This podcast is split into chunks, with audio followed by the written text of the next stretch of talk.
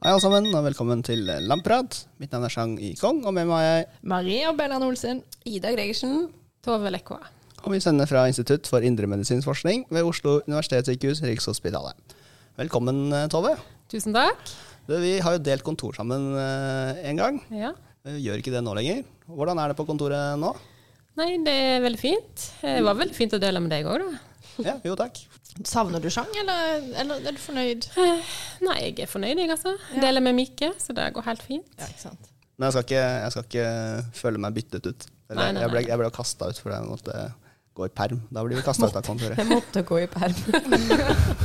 Men det sånn- det er jo sånn det er. Vi har jo eh, manko på kontorplasser, så vi blir Ja jo ja, er bytta rundt på når vi ikke har behov for plass eh, i en periode, da. Og sånn er det jo. Men dere, jeg har en uh, god nyhet før vi uh, setter i gang med episoden. Ok. For vi har hatt en portefølje i uh, denne podkasten. Vi har hatt en portefølje. Ja, altså det er en ting vi har snakket om sånn med jevne mellomrom, og så har vi ikke klart å komme til bunns i det før. Altså inflammasome. Nei, nei, nei, nei, nei, nei. Altså dette er mye, mye viktigere enn sånn som Maria. Det ligger her. Er det andemat? Å, er det andemat? Andemat, ja. Å, ja, okay. ok. Ja, og for dere som ikke har uh, fulgt oss uh, før, så um, snakket vi om mannemat i første sesong av Labrat. Fordi andemat er en plante som vokser på ferskvann, som plantefysiologer bruker som en modellorganisme. Da. Ok.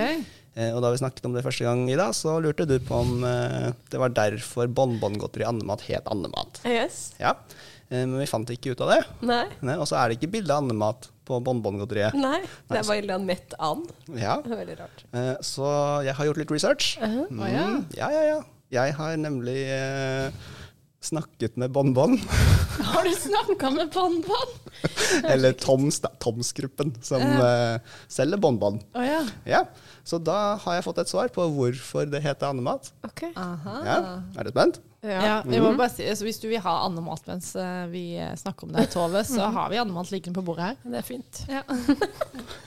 Ok, er du klar for svaret? Ja. Ok, Det som kjennetegner bonbongodteri, har alltid vært at produktet har hatt dumme, frekke eller provoserende navn. Utseendet til selve godteriet ligner på noe du vil finne i en stillestående dam. Og siden navnet er valgt, har skildringen av en and trolig vært mer ikonisk enn bare å velge en plante. Og så elsker jeg at de har fremhevet det neste jeg skal si. Ok.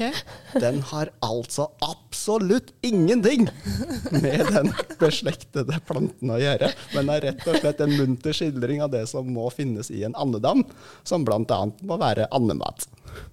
Ok. Ja. Herregud. Er det rareste jeg har hørt? Hvorfor kan Ja, nei, ok. Og så det de tar avstand fra, rett og slett, den planta. Nettopp. nettopp. Ja, ok, ok, ok. Ja. Men hvordan er, er andemat dumt og frekt? Nei, det vet jeg ikke. Det vet jeg ikke. Det kan, vi- det kan vi følge opp, eh, Maria, med et eh, nytt spørsmål til Toms-gruppen. Hvorfor er andemat så frekt? Ja, jeg er litt, dette syns jeg var litt teit. Jeg, tror, jeg velger å tro at det er denne planta. ja ja, nei, men god research, da. så Ja, tusen takk. Kom vi til bunn i det på et vis. Ja, Egentlig burde du bli sponsa av den andematen. jeg er helt enig. Helt enig. Men det var ikke det vi skulle snakke om i dag. Og så må vi kanskje introdusere gjesten vår. Ja, vi må det. Eh, vi kjenner deg jo fra instituttet. Vi må kanskje be deg om å introdusere deg selv og hva du forsker på. Så jeg har eh, mange år forska på kvinnehelse, eh, svangerskapskomplikasjoner og hjerte-karsykdom. Ja, Så du er eh, i rekken av eh, kvinnehelseforskere vi har hatt eh, her inne. Ja. Men du har jo vært der veldig, i, i ganske mange år nå, Tove. Du har iallfall vært der så lenge jeg har vært der. Så du har gjort litt forskjellig både på doktorgraden din og i, på stokken din og sånt. Ja, det har jeg. Jeg starta faktisk i 2004 eh, på endokrinologisk seksjon. Eh, og da jobber jeg på et EU-prosjekt, men òg på Stork-prosjektet. Ja, Stork som i, i fuglen, eller? eh, Nei, det er et prosjekt der vi så egentlig var greie å se, for da barn ble født større og større. Det var en ting man så. Ja, i mange år. Så det var derfor de starta i utgangspunktet. De ville finne ut mer om placentabiologi, men òg svangerskapsdiabetes og preeklamsi. da. Og når vi skyter inn placentabiologi, nå snakker vi altså om morkaka. Du, du Ja. ville finne ut om hva som skjedde med morkaka. Ja. Ja. Mm. Og hva gjorde de i dette prosjektet, da? Eh, nei, da var det inne og eh, gravide. Fire visits. Eh, og så tok Fire vi besøk. Fire besøk. Så tok vi glukosebelastning. Um, og så var de oppe på kvinneklinikken og tok ultralyd av um, fosteret. Ja. Mm. Og så tok vi òg placenta-biopsi Mm. etter de var født. Ja. Så mor, eh, prøve morkaka. Ja. Morkaka. Var det disse menneskene som var og brukte blenderen inne på laben her? Eh, ja, noen av de var involvert i Stork, ja. Men Ja. de hadde òg et eget placentaprosjekt. Og de hadde et eget prosjekt. Ja, for jeg husker at eh, vi var inne på laben, og da kom disse morkakeforskerne og brukte blenderen og bare bjum, bjum, bjum. Altså sånn, sånn, sånn KitchenAid blender som Ja, ja, det var, det var, Vanlig blender. det var samme blender som jeg hadde hjemmelagd juice i. Jeg husker vi spurte en gang hva er det som er i den blenderen. Det er morkake. oh, ja. Ok. Ok, tenkte jeg. ja, Ja. nei da. Så det var det prosjektet du òg var med i. Eh, ja, det var kanskje litt på sida, men eh, ja. Og nå da, Tove, nå har du jo eh, ditt eget prosjekt du styrer. Ja, eh, så jeg starta det oppfølgingsstudiet til Stork, eh, på Stork. Eh, og der ville vi se på um, svangerskapsdiabetes og preklamsi i forhold til fremtidig hjerte-kar. Eh, så da var det inne og tok en sånn karstivhetsmåling, hvis dere har hørt om det. Det er en sensor som måler pulsen på halsen og på lysken. Og så beregner eh, pulse wave velocity, heter det. Det er sånn Det Has- hastighet Ja, ok, av pulsbølgen. ja. Så det sier noe om hvor stiv åreveggen er, Ja. og det kan igjen si noe om risiko for hjerte... Eller om det har Ja. Økt altså hjerte... Hva heter det? risiko. Risiko for hjerte- og karsykdom, da. Ja, det er en independent risiko. Mm. Ja, så du vil jo ha litt sånn myke vegger som på en Ja. måte kan tilpasse seg blodtrykket ditt og sånn, eller? Mm. Ja. Så hvis du får veldig stive eh, blodvegger, så kan vi jo få litt høyere blodtrykk. Ja. Ja. Siden vi har hatt eh, Peder her eh, som gjest en gang, så har vi jo blitt veldig veldig glad i tall. Så hvor mange sånn cirka pasienter hadde dere inne til denne studien? Altså, på Stork-studien var 1031, mens på Stork så fikk vi bare 300. Ja, men fortsatt eh, ganske mange. Da. Og mm. dere tok eh, glukosetoleransetest på alle, eller gjorde, dere, gjorde dere noe mer også? Eh, ja, vi tok òg en sånn eh, beintetthetsmåling, eh, DEXA-scan heter det, Mm. eh, der du kan måle beintetthet som i forhold til osteoporose, og eh, fettfordeling. Der du får f.eks. visceralt fett ut. Mm. Mm. Ja, er som er sånn- det klassiske eh, magefettet, liksom. Ja. Mm. Så hvor fettet sitter på kroppen, på en måte, og hvor mye, hvor mye fett har du versus hvor mye muskler, da. Ja. Mm. Mm. Det er en litt sånn fancy eh, røntgenmaskin, er det ikke? Dexa Jo. Du har vel gjort det på musen, Ja, har du ikke det sjøl? Har har det. Har det. Jeg spør på vegne av lytterne. Ja, det er bra. Men da, vi vet også at uh, du uh, har vært i uh, utlandet under din eh, forskerkarriere. Hvor var det du var? Jeg var i Boston eh, i, i postdokken min, ja. Ett år. Ja. Mm. Var det veldig annerledes eh, sånn forskningsmiljømessig? Mm, Ja, litt. Det er jo mye mer konkurranse. Eh, jeg jobber litt på en måte litt lenger, men kanskje litt mer ueffektivt, vil jeg si. Ok, okay. Hvordan da? Eller at de har mye lengre pau sånn, eh, lunsjpause, for Ja. eksempel. Mm. Fordi man må være på jobb, men man krever eh, Mm. Man må være på jobb lenge, men kanskje ikke krever at du faktisk jobber hele tida? Ja, Mener du det? litt sånn. Ja. Mm. Mm. Er det også litt sånn man skal vise at man er der lenge, liksom? Ja, Ja. jeg tror det. Skjønner. Så da, men da, er det, da har du liksom ditt sosiale liv på jobb også, da. Mm. Ikke det at ikke men vi har det sosialt og hyggelig her også, det var ikke det jeg mente. Men selvfølgelig, de jobber jo masse òg. Ja da. Ja. Um, mm. Ja da, men vi er vel kjent sånn generelt hvert fall for å ha høy produktivitet eh, i Norge, da. Altså sånn effektivitet. Mm. Så selv om vi ikke nødvendigvis har de lengste dagene. Det, det er vel kort arbeidsdag i forhold til resten av verden. Mm. Jo, men at likevel produktiviteten er høy, da. Ja. Men ja, Ja, det vet jeg ikke så mye det var en digresjon. Men det må ha vært en eh, god erfaring å være i utlandet? Ja, det vil jeg si. Ja. Du får jo på en måte sett ting fra en annen vinkel, og hvordan andre jobber, og ja, lært språket bedre. Og, mm. Var du borti noe eh, eksepsjonelt morsomt eh, eller spennende eller uvanlig? Ja, altså jeg tok jo Jeg frakta placenta da, på T-banen. Eh, På T-banen? på T-banen. Fra Tufts, der jeg var, Medical Center, opp til Cambridge, Harvard. Så da det er jo, USA er jo litt spesielt for det i forhold til forskning på abort og placenta. Så jeg måtte på en måte skjule at jeg hadde en placenta med meg i en sånn papirpose, da, som så ut som jeg hadde var shoppa klær eller et eller annet. Ok. så, okay. så du, nå, jeg- jeg må bare si igjen at du sier placenta hele tida, men Ja, vi, beklager. vi snakker egentlig om morkake. Ja. Ja. Eh, Men, så du hadde rett og slett morkake med deg i, eh, i handleposen? Yes. Lukta det her, eller? Eh, Det var liksom lukka i en beholder, så jeg tror ikke det. Nei. Nei. Så du hadde, hvor ofte gjorde du dette her? Eh, Det var når de fikk inn, eh, og på en måte det var greit med labben og mm, avtalt. Relativt jevnlig, da, høres det ut som. Ja, det var jo egentlig det. Hvor lang tid tok denne turen, da? Mm, kanskje sånn 20 minutter. Ja, en ting, morsom ting å gjøre på jobb, da. Mm.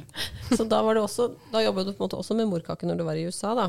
Da Ja. du morkake fra et sykehus for å Ja, forske på det på laben? Eller på en Ja, måte? og så lærte jeg å isolere celler da, fra de okay. ulike delene av placent morkaka. Nettopp. Ja. Var det stor forskjell på amerikansk morkake og norsk morkake? Eh, nei, ganske likt. Så hvordan ser en morkake ut, da? Den ser ganske forskjellig ut. Kommer litt an på ja, eh, størrelse og om den har masse inflammasjon og kan ha litt sånn plakk og mm, Ok. Nettopp. Og det ser sikkert forskjell hvis man f.eks. har hatt noen sånne mm, svangerskapsforgiftning og sånn. Men for de som ikke har frakta morkake før, da, hvor stor er egentlig en morkake? Hva snakker vi? Snakker vi, snakker vi en liten eh, brus, eller et brød, eller? Ja, landbrød kanskje. Ok, så rett og slett et landbrød? Ja. Det er jo litt forskjellig, da. Du sier sånn cirka et landbrød, da, men har det da noe å si om du har en stor placenta eller liten Ja. placenta eller morkake? Ja, det har det. Eh, hvis den er liten, så har du kanskje dårlig tilførsel av næringsstoff fra bar til barnet. Ok. Um, Og hvis du har en veldig stor men du kan ha en stor en, og så er det på en måte da, Lite effektiv, liksom? Ja, eller sånn lite effektiv, at det ja. fungerer dårlig? mm. Mm. Men bare sånn at vi har liksom alle med på det. Hva, hva er, er morkake? Hva gjør en morkake? Eh, Den eh, sender næringsstoff til barnet. Mm. Ja, så det er liksom koblingen mellom mor og barn. Mm. Ja. Så noen eh, faktorer i blod går til eh, barnet, eller går til morkaka og så til barnet. Og noe går fra barnet til morkaka og så til mor igjen. Og det går begge veier. Det fungerer vel også som et filter eh, fra, mellom blodbanen til barnet og til mora. Mm, ja. Vet du forresten hvorfor det heter morkake? Mm, kanskje for det ligner litt kake. Så det ligner mer kake enn brød. Kanskje det. Nå har vi snakket litt om hva du har gjort før, Tove. Og uh, mye av dette handler jo om svangerskap og, og morkake og sånne ting. Men hva er det du gjør uh, nå? Eh, nå jobber jeg eh, spesifikt med non-coding RNA i svangerskapsforgiftning og framtidig hjerte-kar-helse. Jeg fikk midler til det fra Nasjonalforeningen for folkehelsen, Hjerte-karrådet. Mm. Hvor lenge har du holdt på, hvor lenge skal du holde på med dette prosjektet? Nei, nå har jeg eh, kontrakt eh, til 1. april. Mm. Mm. Men jeg er veldig glad for de pengene jeg fikk eh, fra Nasjonalforeningen, eh, sånn at jeg kunne faktisk jobbe med dette her. Det Så jeg må takke dem. Ja. Vi er også glad for at du har jobbet med det, for dette er episodens tema, nemlig. Vi skal snakke om eh, svangerskapsforgiftning, eller pleklampsi, som vi kanskje kommer til å kalle det i denne episoden. Så generelt over preklampsi, eller svangerskapsforgiftning. Det høres jo ganske alvorlig ut. Altså, man blir, altså blir man forgiftet av eh, svangerskapet sitt? Eh, det kan være veldig alvorlig. ja. Høyt blodtrykk, eh, protein i urinen eller andre tegn på organskade. Så hvis man har svangerskapsforgiftning, da, så er vel egentlig nå den eneste behandlingen å, å, å føde, eller å avslutte svangerskapet? Ja, eh, altså preventivt så kan en bruke aspirin, men eh, det er ikke noe behandling mer enn å ta ut barnet. Så altså, har du flere typer, stemmer ikke det?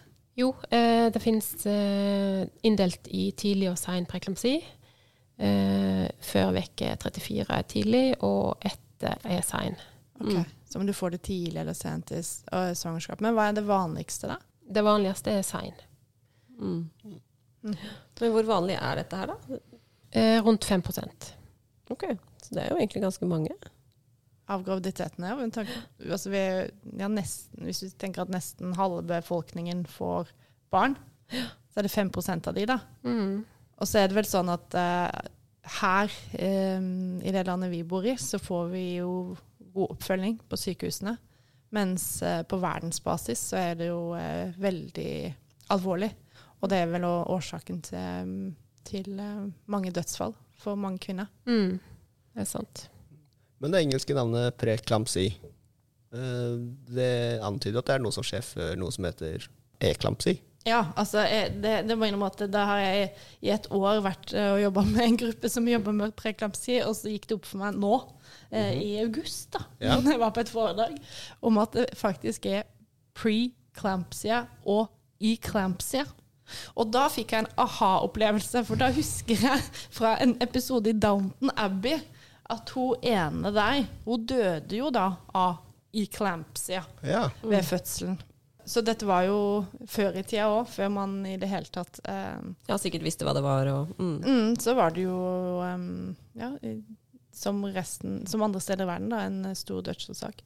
Og så kan man jo også få det her um, eklamsi. Man kan faktisk få det etter fødsel også. Ok. Mm. Men at 5 får uh, svangerskapsvirkning, det er jo veldig mange. Vet vi hvorfor disse 5% av gravide kvinner får det? Eh, nei, det vet en ikke. Det er hypoteser på feltet, eh, som eh, at eh, morkaka har en defekt, eh, og det blir da inflammasjon og oksidativ stress, og så fører det til skade på karveggen hos mor. Um, Så det er en svikt i morkaka, på en måte? Ja. Så den sender ut Man tror kanskje at den sender ut eh, farlige eller signaler som påvirker resten av kroppen. da, Mm. Som gjør resten av kroppen syk. Mm. Og så siden vi ikke vet eh, hvorfor disse 5% av kvinnene får preklamsi, så har vi heller ikke noe råd til hvordan man forebygger det. Eller har vi det? Eh, nei, det er noen risikofaktorer, da, men som du ikke kan gjøre noe med. På en Mm. måte alder og mm, BMI. Og så høyt blodtrykk, vel? Ja. Og førstegangsfødende tror jeg òg er en, faktisk en risikofaktor. Mm. Mm. Nei, så det er vanskelig å liksom forebygge når du ikke veit. Mm. Nei, men man kan jo kanskje da følge opp ekstra de som Mm. er uh, eldre når de blir gravide, da. Og det gjør man vel kanskje også. Mm, det er nok en Mm. grunn til at man gjør det, ja. Jeg tror jeg ble kalt hva var det de sa, geriatrisk gravid da jeg var 30 år. eller Oi, sånt. oi. tenkte jeg bare ja. Det, takk. Yeah. men sånn er det vel. Ja. Men så er det òg Den tidlige og sein, det er òg hypoteser om at den, det er den tidlige som har plasentasvikt, og så er det den seine som er mer på mors eh, system. Ok, Så man tenker at det er to litt forskjellige sykdommer, Mm. tidlig og sen? Ja, okay. men det er veldig eh, eh, Folk er veldig forskjellige i Ja, feltet, om nettopp. de mener det eller ikke. Og, jeg, og det var faktisk litt gøy på den konferansen jeg var på, for da var det virkelig sånn to leirer der, oh, på ja. hva de trodde det var. var Er, du, i- er du i den eller ja, er du i den liksom? leiren, eller, eller Det var ikke så definert, men det var jo noen ganger det ble litt sånn diskusjon. Da. Ja. Og det er litt artig da, at forskerne liksom er, Mm. er, øh, uenige. Og så, Å nei, det er dette som er årsaken! Nei, det er dette som er årsaken! Ja, Ja, det det, er jo veldig viktig, da. Men det sier jo også noe om ja, at man ikke vet så mye om denne sykdommen. Da. At um, man på en måte er såpass uenig i definisjonen i det hele tatt av sykdommen og, Mm, og hva og som årsaken. skjer. en. Mm. Men en ting til også som jeg fikk eh, lærte meg på den der konferansen, som er liksom i forhold til forskere eh, Hvor mange som faktisk forsker på det her. Eh, Så er det, ikke, det er ikke så veldig mange. Jeg, jeg spurte en som ja, Kan du estimere sånn der, hvor mange er det som faktisk forsker på det i verden? Og hun Altså, da var vi hvis jeg husker riktig, så jeg jo kanskje sånn rundt 2000 stykker, eller noe sånt. Og med tanke på hvor mange dette faktisk rammer, da, eh, så er det jo eh, nesten ingen. Sånn, hvis du, noen av de konferansene vi er på, når vi er på hjertekonferanser eller et eller annet, så er det jo da ja, 20 000-30 000 på konferansen, bare. Så det mm, Men det er litt eh, rart, da. Ja, For det er jo veldig spennende felt. Absolutt. Så du gjør en viktig jobb, Tove. Men eh, hvilke symptomer og sånn skal man eh, være obs på som gravid? Eh, høyt blodtrykk. Um, så er det nok sånn synsforstyrrelser. Um, Ja, hodepine. Ja, Mm. Og det er vel flere, men det her er jo noen av de, da. Ja. Mm. Og så nevnte jo du, Maria, at uh, svangerskapsforgiftning er jo en, et kjempestort uh, kvinnehelseproblem på verdensbasis. Mm. Eh, men Tove, du, det du jobber med, nå er jo om det er noen senskader også for kvinner som overlever svangerskapsforgiftningen. Er det ikke, stemmer ikke det? Ja, de har økt kardiovaskulær risiko faktisk etter å ha hatt preklamsi. Og det er jo òg vist at en del av ting fra graviditeten, altså ting i blodet, kan være i blodet i mange år etterpå. Som okay. ska skadelige markører. Ok. Ting, ting som eksempel Ja, F.eks. non-coding RNA, da, som vi kommer tilbake til. Ja. Som du forsker på. Mm. Men når vi sier da at det kan være skadelig for kvinner, sånn litt enkelt, da, så, kan, så er det jo flere sykdommer da de her kvinnene kan få senere i livet. Mm. Så sånn som f.eks. hjerteinfarkt, åreforkalkning, som vi er veldig glad i, og, eh, og Slag. slag. Mm. Og også demens. Eh, høyere risiko hvis du har hatt eh, svangerskapsforgiftning under svangerskapet. Men ville det også gjelde hvis du på en måte etter svangerskapet får normalt blodtrykk og sånn i ettertid? Så vil du likevel ha denne forhøyde risikoen? Mm. Okay. Så eh, mange av de risikofaktorene som man har for å få svangerskapsforgiftning, sånn som høyt blodtrykk og høy BMI og sånne ting, det er jo også samme risikofaktorer som, som man har for å få eh, hjerte-karsykdom senere i livet. Mm. Men likevel så ser man jo da at svangerskapsforgiftning er en helt egen risiko. Så um, uavhengig av disse faktorene. Da. Mm. Så det er, sånn som du sier, det er jo noe som skjer. Noe man ikke vet. Ja. Noe man ikke vet. Mm. Som, um, som gjør noe med kroppen Mm. i de, disse kvinnene. Og det er jo det Tove prøver å finne ut av. Så etter å ha kommet seg fra svangerskapsforgiftning, så har man altså noen ting som sirkulerer i blodet i, i mange år, eller med en kort periode? Mm, mange år kan du ha det. Ja, så disse non-coding RNA-molekylene i blodet. Ja. Og hva er da non-coding RNA? Ja, det er RNA som ikke blir koda til protein. Og tidligere trodde vi at det var junk, altså søppel. Mm. At det ikke hadde noen funksjon. Mm. Skal vi gi en liten sånn uh, recap på hva RNA er for noe? Ja. Ja, vi har jo selvfølgelig genene våre som koder for proteiner. Og så blir jo de, um, det, det, Fra de, denne oppskriftsboka så lager man da mRNA, som igjen blir til uh, koder for proteiner. Ja, så vi får rett og slett protein ut ifra DNA-koden. Mens du snakker om disse RNA-molekylene som ikke blir til protein, men som blir til noe annet. Eller ikke Nei. blir til noe, det bare, de, det bare er RNA. Mm. Så før trodde man at det bare var tull og tøys. Er det bare en sånn overskudd av noe slag? Mm. Men nå vet vi vel mer og mer at det har viktige funksjoner. Mm. Så vår hypotese er da at trofoblastebri, eh, som eh, kommer fra placenta, alt som placenta eh, spyr ut i blodet, Så trofoblaster er egentlig en celletype som det finnes masse av i placenta, ikke sant? Ja. Ehm, og de kan jo inneholde non-coding RNA.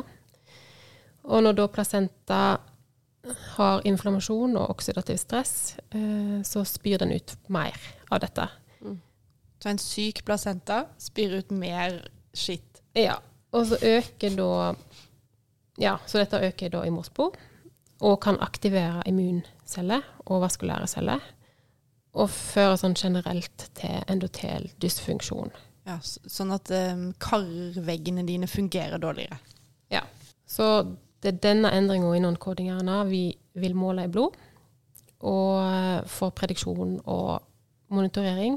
Og kardiovaskulær risikodeteksjon, da. Er det mange forskjellige typer av disse non-coding RNA også? Ja, det er mange typer. Det er både long, non-coding, small, og som kan være mikro-RNA. Mm.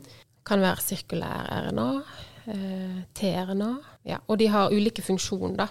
Eh, for eksempel de long non-coding og mikro-RNA, de kan regulere geneksplosjon. Og det er da genuttrykk, litt sånn som Maria egentlig forklarte her. da. At Når et gen blir til et protein. Ja. Ja. Så Så, kan de du få- er med på på en måte den prosessen. ja. Så om du får mye eller lite protein, da, kan disse eh, long non-coding, var det det? Mm. Ja, da kan de være med å bestemme. De kan eh, regulere andre gener og andre protein, på en måte. Mm. Men regulerer de ved å eh, slå av oversettelsen til protein, eller regulerer de ved å, på det trinnet der man oversetter til RNA? Eh, Jeg tror det kan gjøre begge deler. Okay. Men f.eks. Um, ApoA1, som er en del av HDL, Mm. der er det en sånn antisens-RNA, eh, non-coding, og den bindes til sens på ApoA-genet. Mm. Så hemmer da transkripsjon. Ja, så hemmer oversettelsen fra DNA til RNA, da. Ja. Mm. Som igjen da blir, da blir HDL hemma. Nettopp. Mm.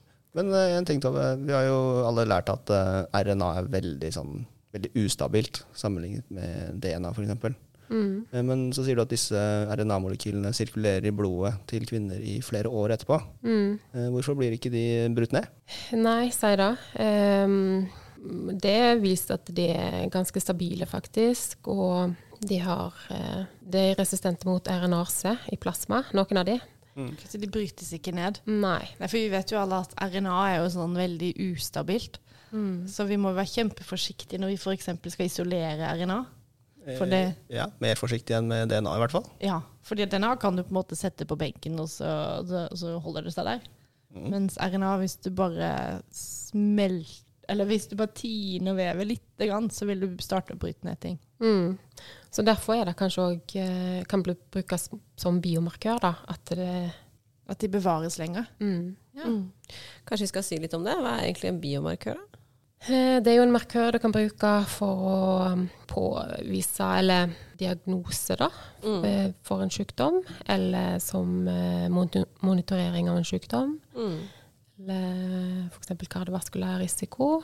Mm. Liksom noe man f.eks. kan måle i blodet, som sier noe om, ja, om du har en viss sykdom eller ikke, eller eventuelt hvor langt eller hvor alvorlig den er. Liksom, Litt avhengig da, av biomarkøren. Det ville jo vært veldig fint å ha en for preklamsi tidlig. Så kunne de da starte behandling, og en kunne da fulgt opp disse kvinnene mye tettere.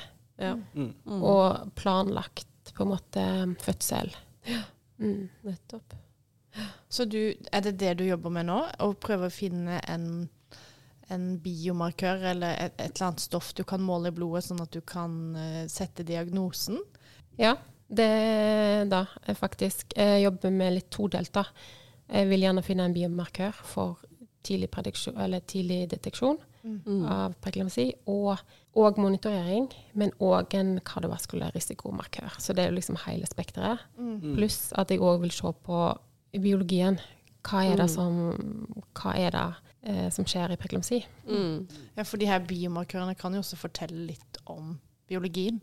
Ja. Mm. Noen ganger, i hvert fall. No, ja. Men det er ikke viktig for en biomarkør at vi vet funksjonen, på en måte. Nei. Men det er jo veldig interessant å skjønne hva som skjer. Mm. Ja, absolutt. Når du leter etter non-coding RNA, er det da um, Vet du sekvensen du skal se etter, eller er det helt tilfeldig hvilke koder det er? Eh, nei, en vet sekvensen, eh, så det er Men det er selvfølgelig ikke alle som er annotert, på en Mm. måte. Da, eller Alle som er kjent? på en Nei, måte? ja, ikke Eller kartlagt, da, kanskje man kan si. mm. Så da, Men det kommer bare mer og mer. Mm. Men, så det er de, de samme kodene eh, i forskjellige pasienter? Ja. Mm. Så kan, kan man liksom, hvis man skulle sammenligne den test altså Hvis du finner nå en markør som funker, og så skal du sammenligne hvordan det ville fungert, så ville det kanskje vært sånn som man, når vi tar covid-test nå, da.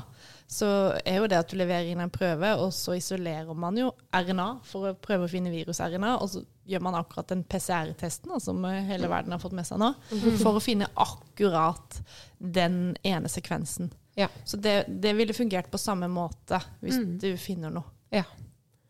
Mm. Eh, så vi prøver da både i plasma, men òg i um, leukocytter Mm. og i ekstracellulære vesikler. Oi, ja, så blod og immunceller. Og, Men ekstracellulære vesikler, det må du forklare litt med. Ja, ekstracellulære vesikler er jo vesikler som kommer fra ulike celler. Både fra endotel, fra immunceller, men, og spesielt i svangerskap så kommer de fra placentaceller. Mm. Trofoblaster. Ja, så det blir på en måte Det er jo at cellen sender ut bitte litt av cellemembranen sin med litt grann fyll inni. Så det blir sånn En liten klump med Ja, beskjeder eller sånn? ja, ja, en liten cellerest med noe beskjeder inni.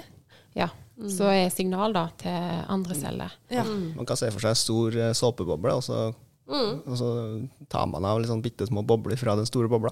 ja. Og så kan de bli tatt opp av immuncellene, faktisk, og forandre genuttrykket der. Ja. Okay. Så du sender beskjeden med en liten sånn boble til, til en annen celle, da. Og så kan de sende videre igjen? eller? Ja.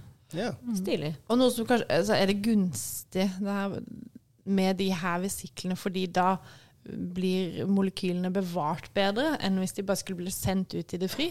ja, det tror jeg. Mm. Nettopp. Så kanskje det kan være en av grunnene til at det sirkulerer så lenge? Eller vet man kanskje ikke? Ja, godt spørsmål. Det kan jo hende. Mm. Men er det vanskelig å isolere og få tak i de her eh, vesiklene?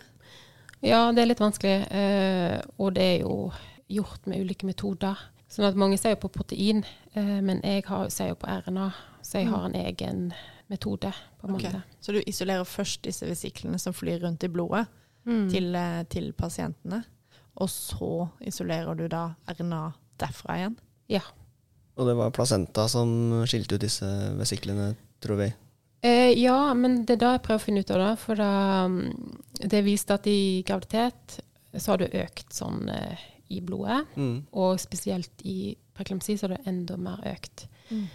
Um, Så en syk morkake sender ut mer signaler? Ja, det er mer inflammasjon og mer, sikkert mer stress og sender ut mer. Men jeg ser jo at jeg har jo òg data på at de kommer fra andre deler, andre celler. Ok. Mm.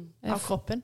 Ja, for det er, de har markører for f.eks. endotelderiverte ekstracellulære vesikler. Uh, så jeg prøver på en måte å finne ut av det nå. Da. Jeg har en RNA-sekvensering som jeg har gjort på um, ekstracellulære mellom prøver mellom preklamsi og kontroller. Mm. Okay, For å prøve å finne ut om du, kan, om du rett og slett kan finne ut av om de kommer fra morkake eller ikke? Eller? Ja, eller det er jo ikke viktig i forhold til en biomarkør, Nei. men det er viktig i forhold til biologien. Mm. Mm. Så du jobber egentlig både med å finne passende biomarkører, samtidig som du er interessert i å finne ut av biologien bak sykdommen. Mm.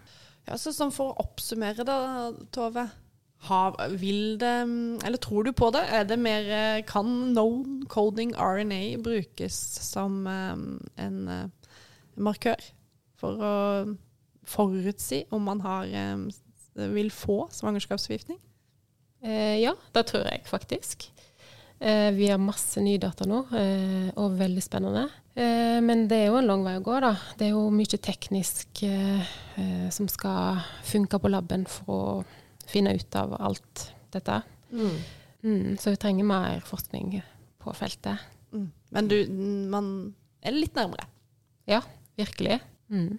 Men da er det kanskje på tide med et lyttespørsmål, Ida. Mm. Det, det passer egentlig ganske bra, bra nå. Eh, vi har fått inn et spørsmål fra Jasmin, som lurer på om det burde være mer forskere generelt, og om vi burde forske på flere ting. Så jeg vet ikke, jeg, hva, hva tenker dere om det? Det er jo et veldig stort spørsmål, da.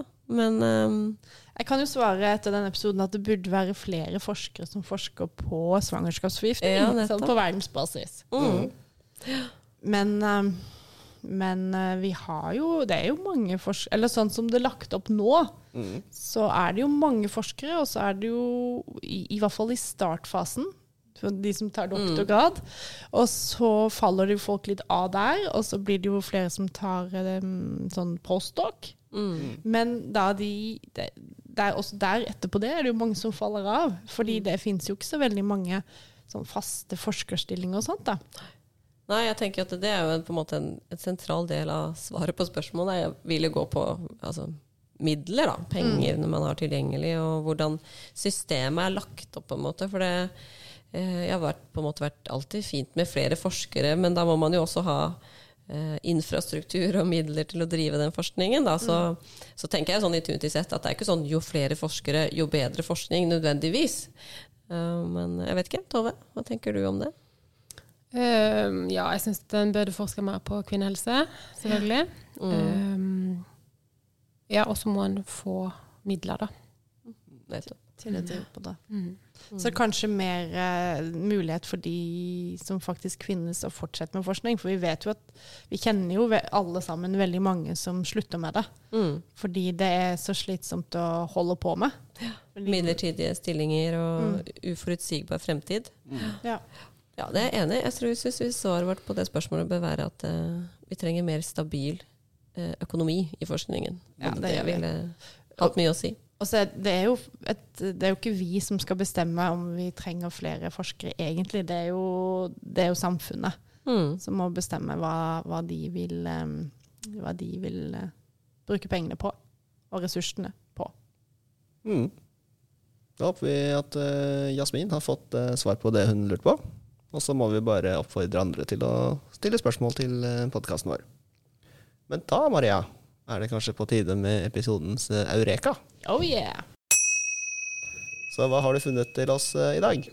Ja, nei, nå I dag så fant jeg en sånn um, liten eh, en, ny, En nyhet som har kommet ut, da. Okay. Det er ikke en nyhet, men en ny artikkel som har kommet ut. Så blir jo en nyhet. Og det her ser jeg for meg kan bli en hit i eh, også vanlige medier.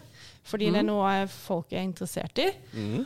Og den her eurekaen, den det kom jeg egentlig over Eller den fant jeg interessant etter vårt gruppemøte i går. For du skjønner det, i går hadde vi et gruppemøte som Ida skulle lede. Og da hadde hun med seg Skulle? Ja, ja du leda det. Men mm, mm, hun leda det med, ja, med barnet sitt på armen. Ja. Fordi det, det var jo ikke sånn at Ida pleier alltid å messe barnet sitt på jobb, men, men det var en lekkasje i huset til, vannlekkasje i huset til Ida som gjorde at hun måtte ha det med det. Så uansett, det, det inspirerte denne eurekaen, og også siden vi skulle snakke om eh, graviditet da, i dag. Mm. Så det her eh, De har noen som har gjort et studie på, for å prøve å finne ut hvordan barn, spedbarn, best sovner. Okay. Så det er jo interessant for du òg, Sjang. Jeg er ferdig med det spedbarnsperioden, da. Å ja, ok, Ja. sorry. Men det her er ikke et veldig stort studie. Det var bare 21 barn med i studien. Men det er publisert i en, i en artikkel som heter Nei, ikke en artikkel, men eh, i et eh, tidsskrift som heter Current Biology. Så det er impact over tid. Så jeg tror det, de regner i hvert fall med at det blir stor interesse for dette studiet. Så det er Omura og kollegaer som har gjort det her. Mhm. Eh, men de har tatt og sett på disse de, Latt mødre få følge barna sine, og så har de monitorert pulsen på eh, barna. Og så har de sett på ulike scenarioer. Enten hvor du holder barnet sittende, holder barnet mens du går, om du legger barnet i senga, eller legger barnet i en barnevogn og triller. Og da, så For ikke forvirre, så skal jeg bare fortelle hva da de her forskerne kom fram til var den beste løsningen for å få et gråtende barn til å sove. Mm. Da skal du ta det opp, og så skal du gå med barnet i armene i fem minutter. Deretter skal du sette deg rolig ned med barnet i fem til åtte minutter. Og så skal du legge det i senga.